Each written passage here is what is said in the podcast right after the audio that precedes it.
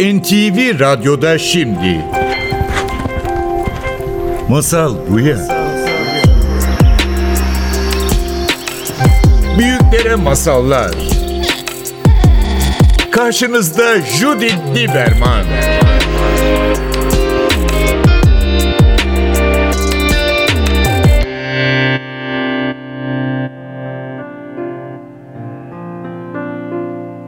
Masal Buya'ya hoş geldiniz. Bugün bizim konuğumuz Nurseli Tamer. Nurseli senin yeni kitabın çıktı.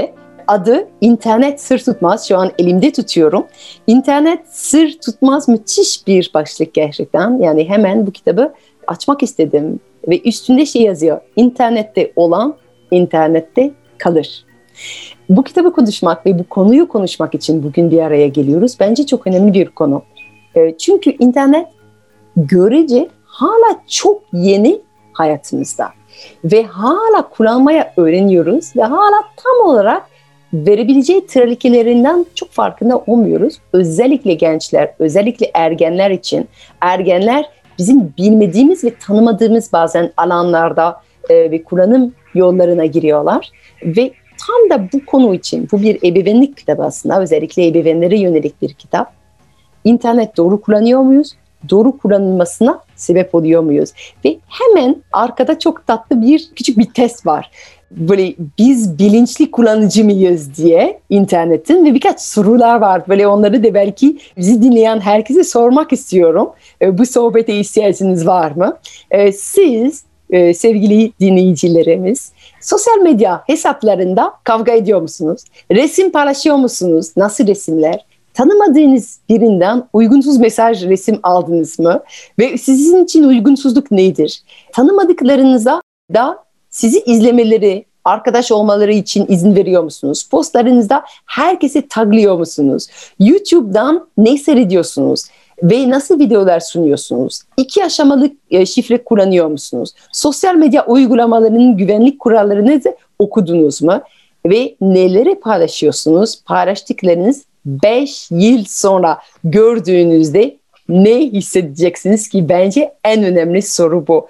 5 yıl sonra çünkü internette olan internette kalır ve 5 yıl sonra yine bizim karşımıza gelebilecek.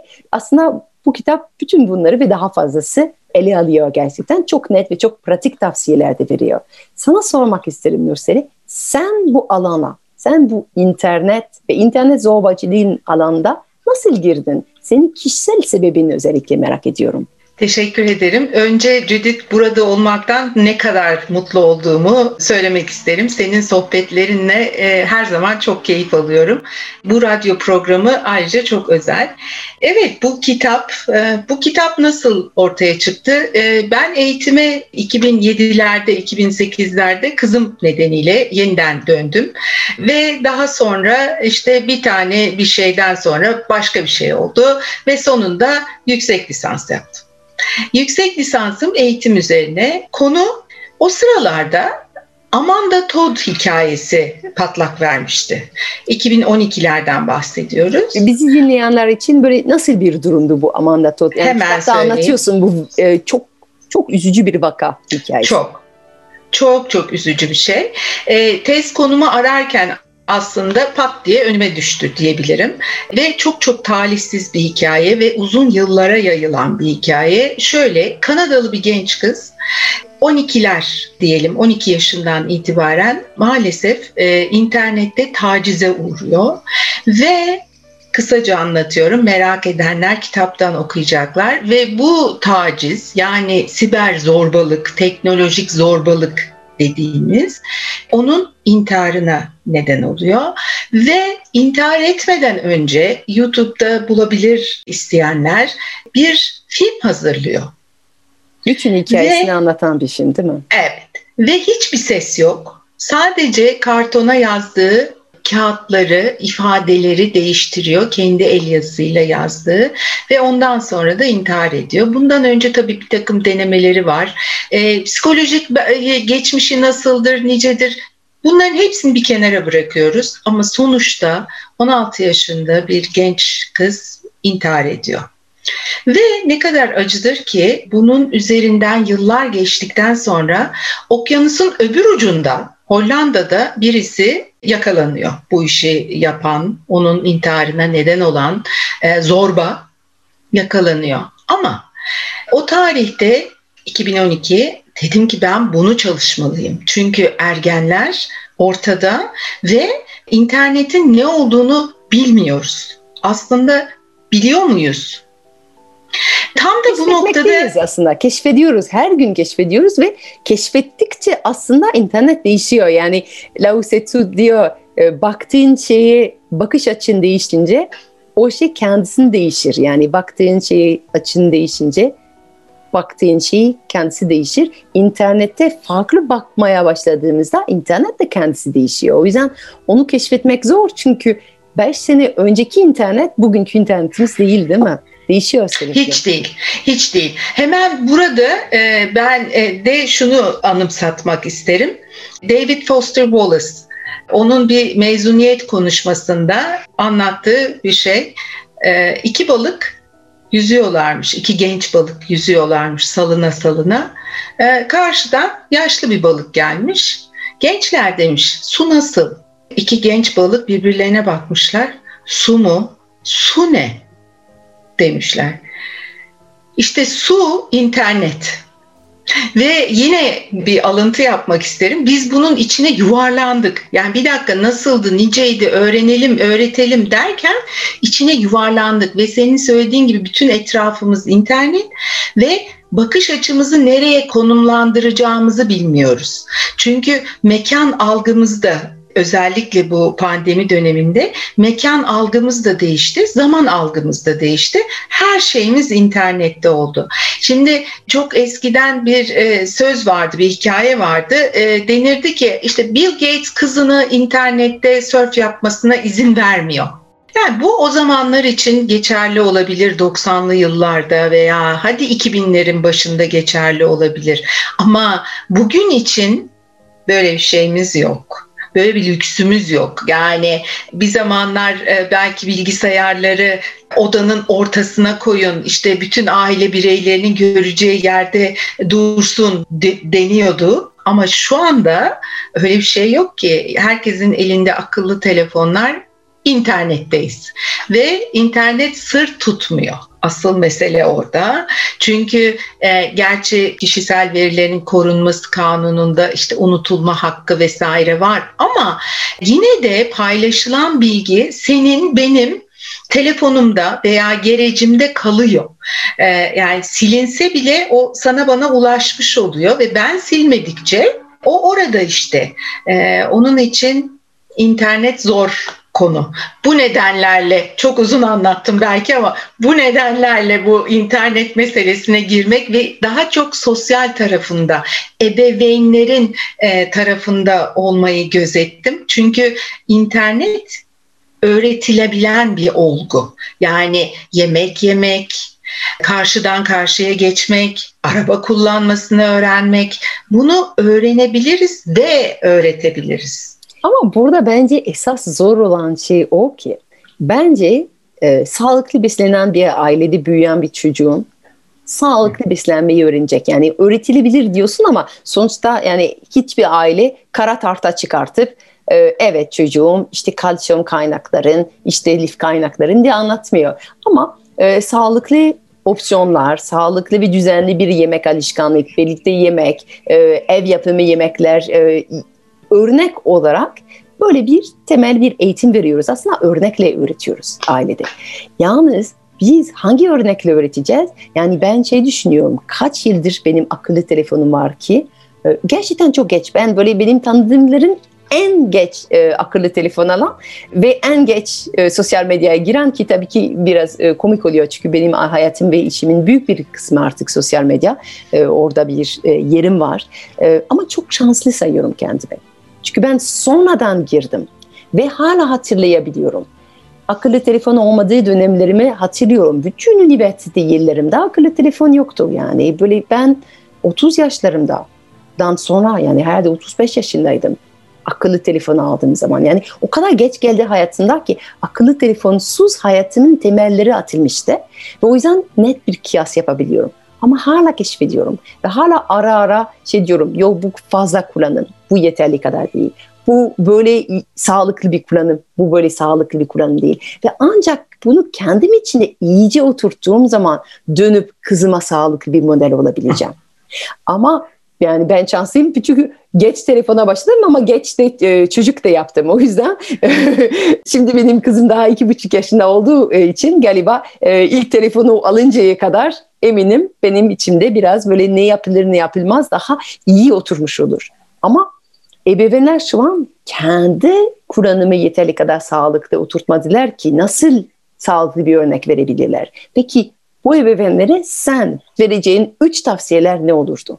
Artık bilgisayardan bakmıyor senin çocuğun ki salonun ortasına bilgisayar olacak ve her şey görecek.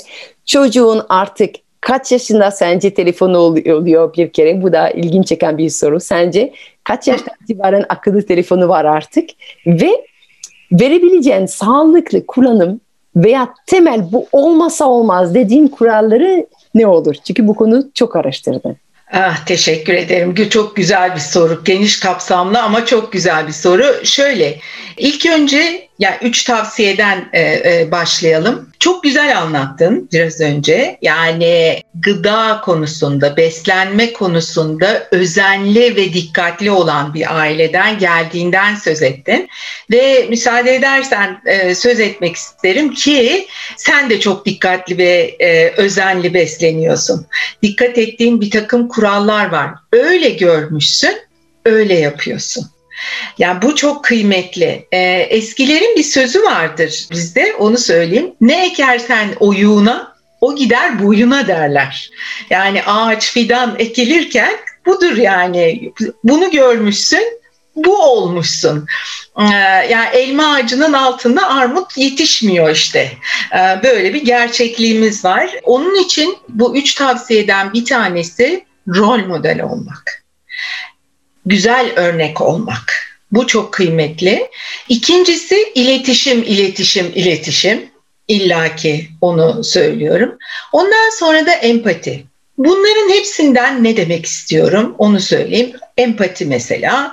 Ee, biz, bizler dijital göçmenleriz. E, bunu araştırmacılar işte 90'larda e, bunu ifade ettiklerinde biz gerçekten bunu sonradan öğrendik. Yani e, özellikle benim çocukluğumda siyah beyaz televizyonlar vardı. Yani bir dakika. Hatta e, kızım e, şaşırmıştı. Yani herkes siyah beyaz mı giyiniyordu o zamanlar diye. O zaman 6 yaşındaydı. Evet yani komik de hakikaten. Şimdi biz göçmeniz. Halbuki bu çocuklar dijitalin içine doğdular. Yani iki buçuk yaşındaki kızın dahil.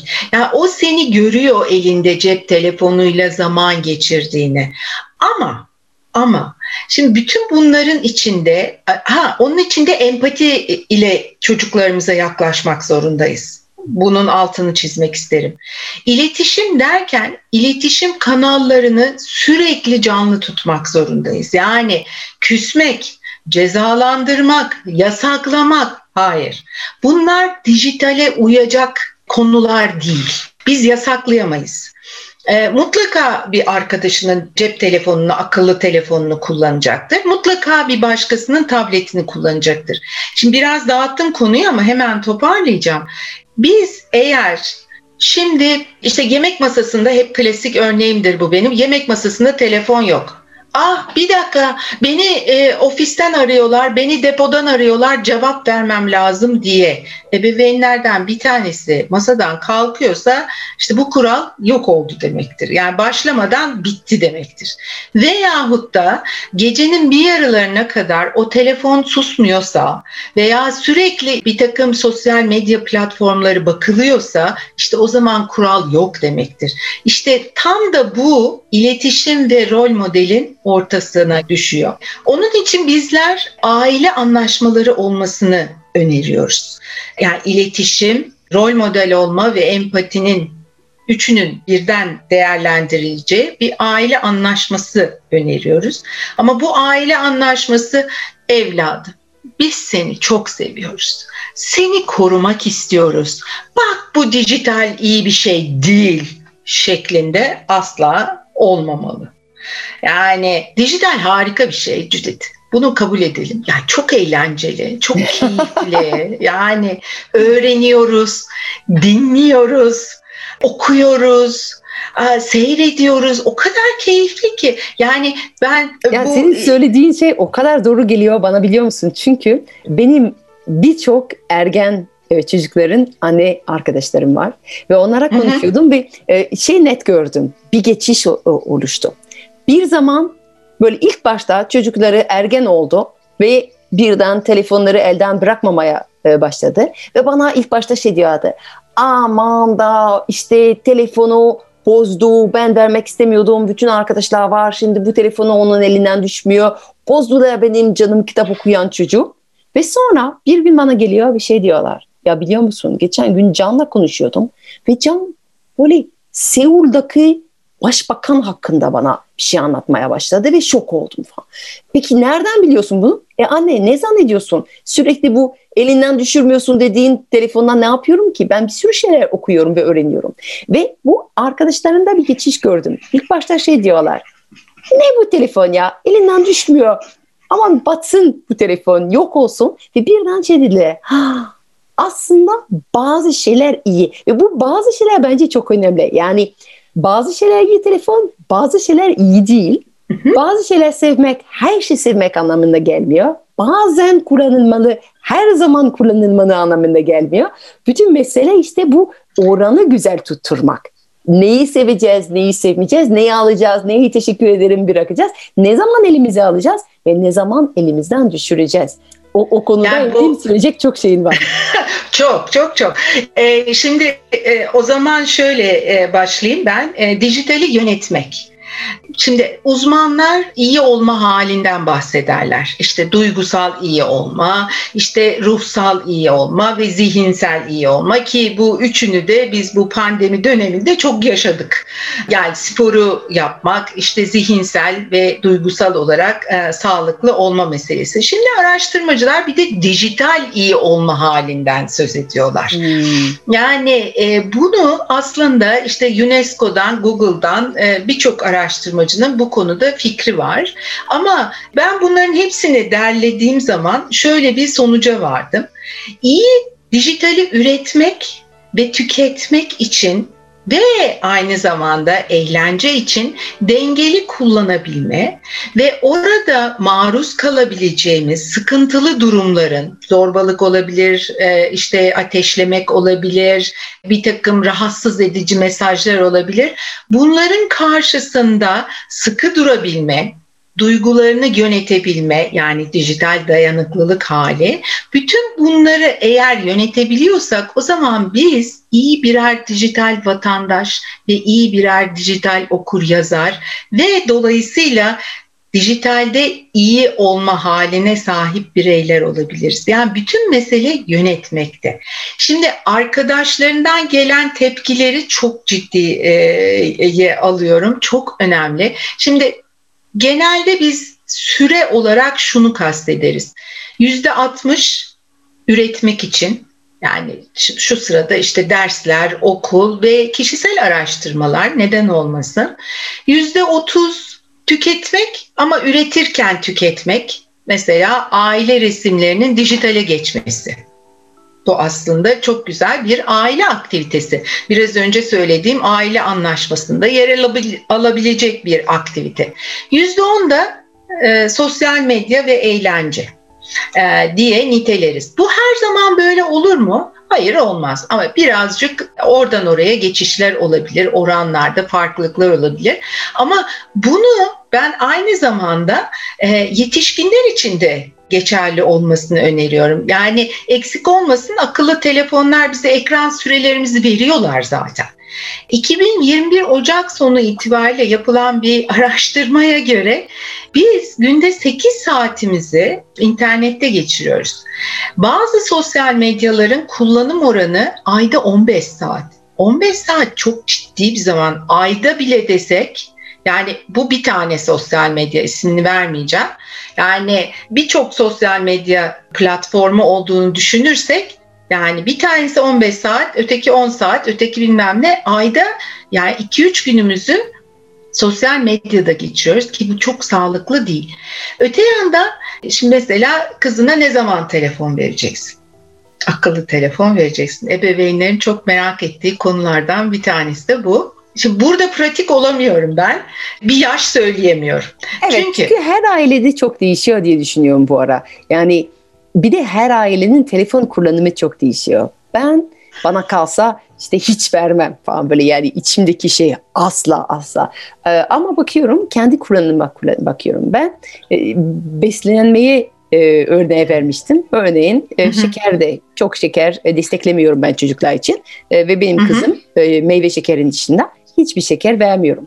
Peki dedim bu herkes bana dedi ki bu sürdürülebilir bir şey değil. Çünkü kızın şeker görecek ve isteyecek. Ben ki niye, niye biliyor musun süre, sürdürülebilir olması için? Tek yapmam gereken bir şey var. Benim kesmem gerekiyor. Benim evimden şeker kesmem gerekiyor. Ben yemiyorsam ve benim için sürdürülebilir bir durumu yaratıyorsam o zaman kızım istemez. Ve o yüzden kızım doğduğundan beri ben de şeker kullanmıyorum. Şeker kullansam ve ona vermesem çok ikiyüzlü olurdu. Şimdi telefon da aynı. Ben biliyorum ki yakında zannettiğimden daha yakın bir e, zamanda benim şu an iki yaşında bir çocuğum tabii ki hiç böyle bir mevzu yok ve elinde asla şu an bugüne kadar telefon vermedim ve o yüzden ekran bilmiyor. E, Hı hı, bazen hı bazı iki yaşında çocuklara veriliyor ya ama ben diyorum ki eğer ilerinde sağlıklı bir şekilde bu sohbet yapmak istiyorum şu an benim kullanımım iyi bakmam gerekiyor. Ben Hı hı. nasıl bir kullanıcıyım? Ne zaman kullanıyorum? Yüz yüze bir sohbet, telefona cevap etmek için bölüyor muyum? Ee, gün içinde telefon her an mı yanında yoksa bazı günler, bazı anlarda mı içinde? Ki tabii ki işinden dolayı, sosyal medya aktivitelerimden dolayı işimin bir parçası, yani mesleğimin bir parçası. Ama ben kesinlikle alan belirtiyorum. Şu an telefona bakıyorum, mesajlarıma cevap veriyorum, e, sosyal medya postlarımı hazırlıyorum. Ondan sonra bittiği zaman fişe takıyorum ve uzaklaşıyorum ve e, bana uğraşmaya e, çalışan insanlar bilir ki belki 6 saat sonra dönerim. Yani bir telefon çalır. Çünkü ben şey diyorum, ben itfaiyeci değilim. Yani hiçbir şey benim işimin içine o kadar acil olamaz. Yani o yüzden 5 saat sonra çoğu telefonlarına dönebiliyorum hiçbir sorun olmaz. Çünkü benim hiçbir işim an içinde çözülmesi gereken bir şey değil. Ve bunu kendi hayatında oturttukça belki ilerinde kızımla daha sağlıklı bir e, ilişki sunabileceğime inanıyorum. Kesinlikle. Ben hemen bir e, şey seni takip ederek söylemek isterim. Bu arkadaşlarına kusura bakma ama e, diyeceğim ki hayır yanılıyorsunuz. Çünkü e, benzer şey benim kızımda olmuştu. Şimdi kızım 22 yaşında ve şeker bilmiyor. Hatta e, hediye getirirlerdi işte 2-3 yaşında e, çocuklara şeker getirilir. Böyle hatta bir takım yumurtalar falan vardı e, o zamanlar hala var mı bilmiyorum. Bu ne? diye bana soruyordu. Yani bilmiyor çocuk. Veya e, benzer şekilde sodalı içecekler. Evet. Bilmiyor. Veya işte ketçap diyeceğim şimdi. Yani bu bunlar yok. Bizim hayatımızda yok. Ama babasında ve bende de yok. Evet. Şimdi yok olunca işte yine o atasözüne geliyoruz. Yani ne ekersen oyuna o gider boyuna gidiyor. Yani sonuçta Evet gerçekten öyledir. Yani ne ekersen onu biçersin. Bu sohbet çok keyifli geçiyor Nurseli ama senden şey rica edeceğim. Var mı bizi dinleyenler için? Biliyorum ki gerçekten senden çok fazla cevap almamız gerekiyor bu konuda. Ama son bir tavsiye bizi dinleyenler için e, bu teknoloji hayatta olan ilişkimiz için. Lütfen çocuklarınızla e, iyi iletişim içinde olun. E, kendinizle iyi iletişim içinde olun. Kendinize bakın. O zaman her şey yolunu buluyor zaten. E, su yolunda akıyor. Çok teşekkür ederim. Nurseli Tamer yeni kitabın İnternet Sır Tutmaz Cires yayınlarından çıktı. Çok teşekkür ederim bu sohbet için. Ben çok teşekkür ederim. Çok keyif aldım. Judith Lieberman'la Masal Buya'nın bugünkü bölümü sona erdi. Kaçıranlar ve tekrar dinlemek isteyenler için programın tüm bölümleri NTV Radyo'nun web sitesinde Apple, Google, Spotify podcast hesaplarında. İstediğiniz zaman ulaşabilir, istediğiniz yerde dinleyebilirsiniz.